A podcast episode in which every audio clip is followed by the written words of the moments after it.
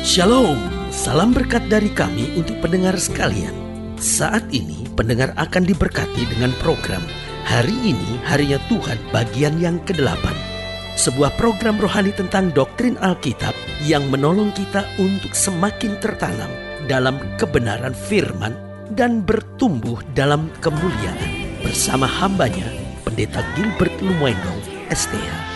Banyak orang merasa doktrin Alkitab sebagai sesuatu yang membingungkan, tetapi tahukah saudara bahwa doktrin Alkitab intinya adalah memahami Alkitab dengan benar, dengan pemahaman yang sistematis, sehingga kita terus dapat tertanam di dalam kebenaran firman, sehingga kita terus bertumbuh di dalam kemuliaan Allah. Buka hati saudara sekalian untuk menerima berkat-berkat firman-Nya hari ini. Allah yang kita sembah adalah Allah yang sabar. Namun di dalam kesabarannya dia bukan Allah yang lemah. Di dalam kesabarannya dia adalah Allah yang perkasa. Karena kalau kita pelajari dalam Alkitab, kita akan menemukan beberapa hal penting tentang Allah. Yang pertama, bahwa dia adalah pahlawan yang memberi kemenangan. Ingat Sefanya 3 berkata apa? Tuhan Allahmu ada di antaramu sebagai pahlawan yang memberi kemenangan. Dia bergirang karena engkau dengan sukacita.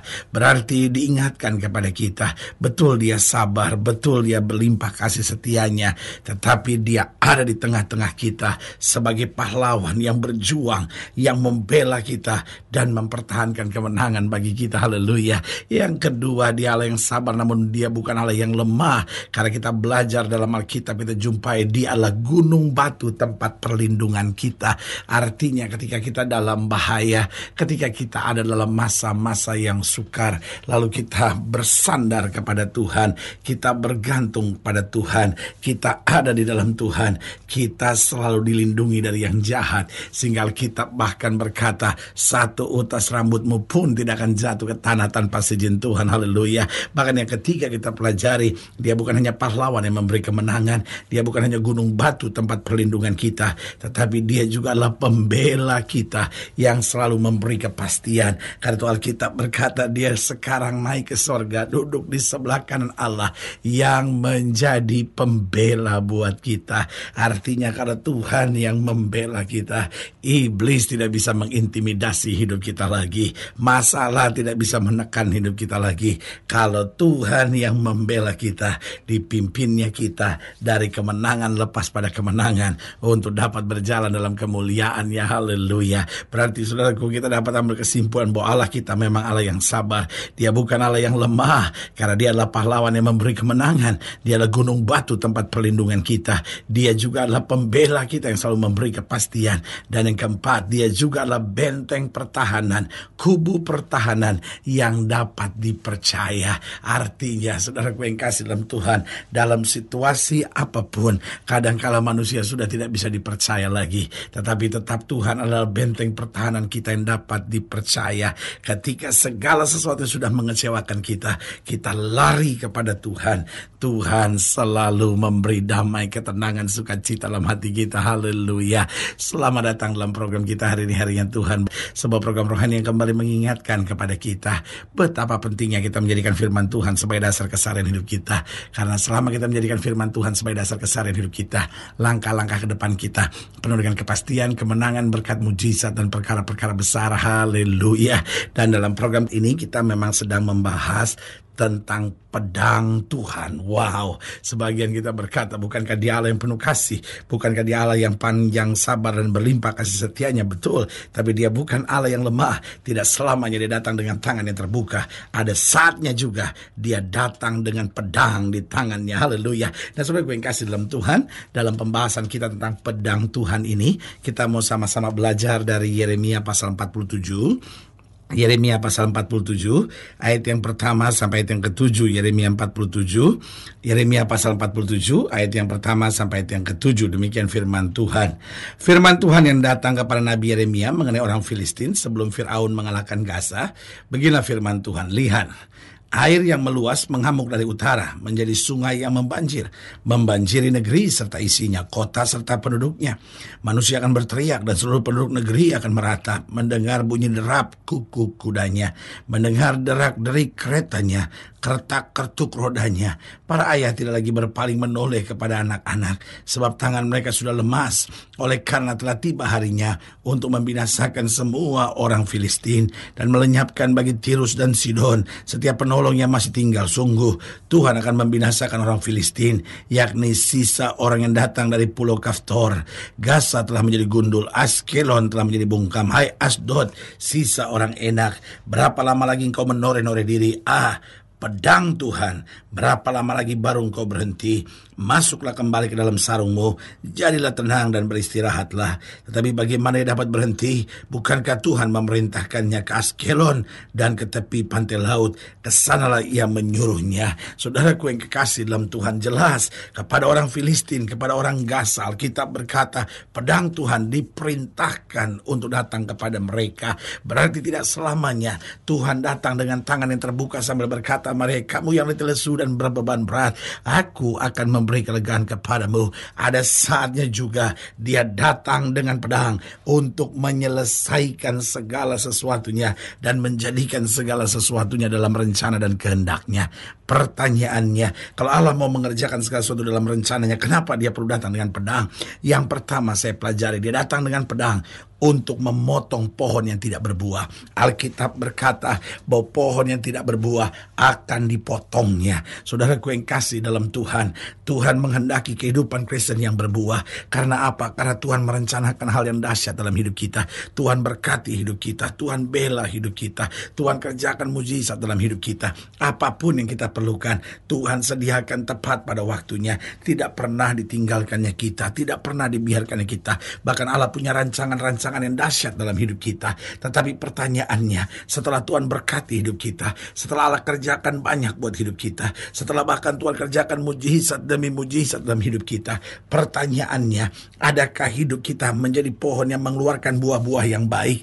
Alkitab berkata seperti dalam Galatia pasal 5, ada buah-buah roh kasih, damai, sukacita, sejahtera, dan segala sesuatu yang baik tersebut. Nah, saudaraku yang kasih dalam Tuhan, tetapi kenyataannya banyak kita menyebut diri kita Kristen, banyak kita menyebut diri kita sebagai orang-orang yang terima banyak berkat Tuhan, tetapi hidup kita tidak berbuah. Alkitab berkata barang siapa yang tidak berbuah akan dipotongnya dan dilemparkannya ke dalam api. Berarti dia datang dengan pedang untuk memotong pohon yang tidak berbuah. Saudaraku yang kasih dalam Tuhan, mari kita jadi orang-orang yang sadar bahwa Tuhan sudah buat banyak dalam hidup kita. Mari kita berbuah, mari kita jadi berkat, mari kita menyatakan kasih kemurahan Tuhan Lewat apa? Lewat kenyataan-kenyataan buah roh yang keluar dari dalam hidup kita. Sehingga orang lain dapat menikmati sukacita, damai, sejahtera, kasih, kuasa Tuhan melalui kehidupan kita. Yang kedua saya pelajari, dia datang dengan pedang untuk apa? Yang pertama, untuk memotong pohon yang tidak berbuah. Yang kedua, Alkitab berkata dia datang dengan pedang untuk membersihkan pohon yang sudah berbuah. Karena Alkitab berkata yang tidak berbuah dipotongnya. Tetapi yang sudah berbuah dibersihkannya. Tujuannya apa? Supaya lebih dahsyat buahnya.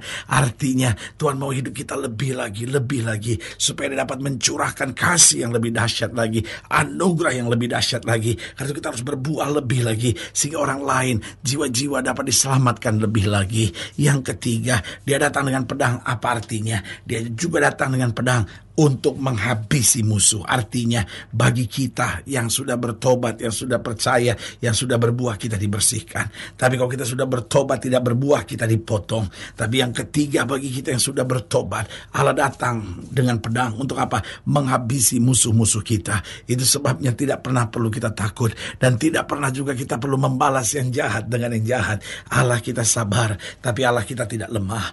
Allah kita sabar, tapi dia pahlawan yang memberi kemenangan ketika Firaun coba mengejar Musa yang sudah keluar dari tanah Mesir. Apa yang terjadi? Oh, laut Tebrau dibelah oleh Tuhan. Musa dapat lari, tetapi ketika Musa dengan seluruh bangsa Israel selesai menyelesaikan penyeberangan laut Tebrau tersebut, kemudian apa yang terjadi? Laut itu tertutup, artinya pedang Tuhan turun menghabisi setiap musuh. Firaun dan pasukannya ditenggelamkan oleh Tuhan. Berarti saudaraku ingat Allah kita sabar, namun bukan Allah yang lemah. Tidak selamanya dia datang dengan tangan yang terbuka dan berkata, Mari kamu yang letih lesu dan berbeban berat, aku akan beri kelegaan kepadamu. Ada saatnya dia datang dengan pedang untuk apa? Memotong pohon yang tidak berbuah, membersihkan pohon yang berbuah. Dan yang ketiga untuk menghabisi musuh. Yang keempat, dia juga datang dengan pedang untuk menghadirkan ketenangan bagi kita. Waktu kita tahu bahwa yang berjaga di sisi kita adalah panglima perang kita dengan pedang di tangannya, hidup kita aman. Saudaraku yang kekasih dalam Tuhan, Kadangkala kita bertanya, betulkah Allah akan bela saya? Kok kelihatannya alasannya suruh saya sabar, alasannya suruh saya tenang. Ini dia persoalannya. Allah menyuruh saya sabar, Allah menyuruh saya tenang. Bukan karena Allah tidak berbuat apa-apa, tetapi karena Allah siap berbuat segalanya buat kita. Kadang-kadang ada banyak orang yang berkata, dulu saya disakiti suami saya, saya mesti ngalah. Mengalahlah bu, Tuhan yang akan berperang ganti ibu. Kadang-kadang kita berkata, aduh orang fitnah saya, masa saya suruh sabar. Sabarlah pak. Kenapa? Allah yang akan berperang ganti kita. Dia bukan Allah yang lemah. Tidak selamanya dia datang dengan tangan yang terbuka. Tapi dia datang dengan pedang untuk memotong pohon yang tidak berbuah. Membersihkan pohon yang berbuah. Menghabisi musuh. Menghadirkan ketentraman dan ketenangan bagi diri kita. Haleluya. Saudara yang kasih dalam Tuhan. Jika saudara yang dilayani lebih jauh, hubungi kami melalui telepon. Hubungi kami melalui surat. Kunjungi website kami. Karena kami ada untuk membawa Bapak Ibu saudara senantiasa lebih dekat pada Tuhan. Dan mengalami kasih kuasa mujizat yang luar biasa. Haleluya. Secara khusus melalui program ini juga saya mau berdoa buat setiap yang sakit, setiap yang berbeban berat.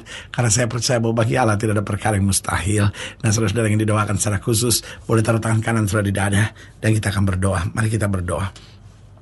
Bapak dalam nama Yesus, hamba doa buat yang sakit, hamba doa buat yang berbeban berat, hamba doa untuk setiap mereka yang sedang menghadapi masa-masa yang sukar, bahkan mereka yang taruh tangan kanannya di dada, karena butuh mujizat, karena butuh kuasa, butuh ketenangan, butuh jamahan Tuhan secara khusus, bahkan butuh kesembuhan dari Tuhan. Hamba doa dalam nama Yesus Tuhan jamah, sehingga hari ini kami diyakinkan Allah kami sabar, namun dia bukan Allah yang lemah, kami harus hidup berbuah, kami siap dibersihkan supaya hidup kami lebih lagi berbuah, sehingga kami berserah penuh kepada Tuhan yang membela kami dalam segala segala keadaan.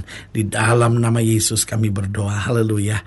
Amin. Saudara yang kasih dalam Tuhan, kita sudah berdoa. Ingat, tidak pernah Allah lain menepati janjinya.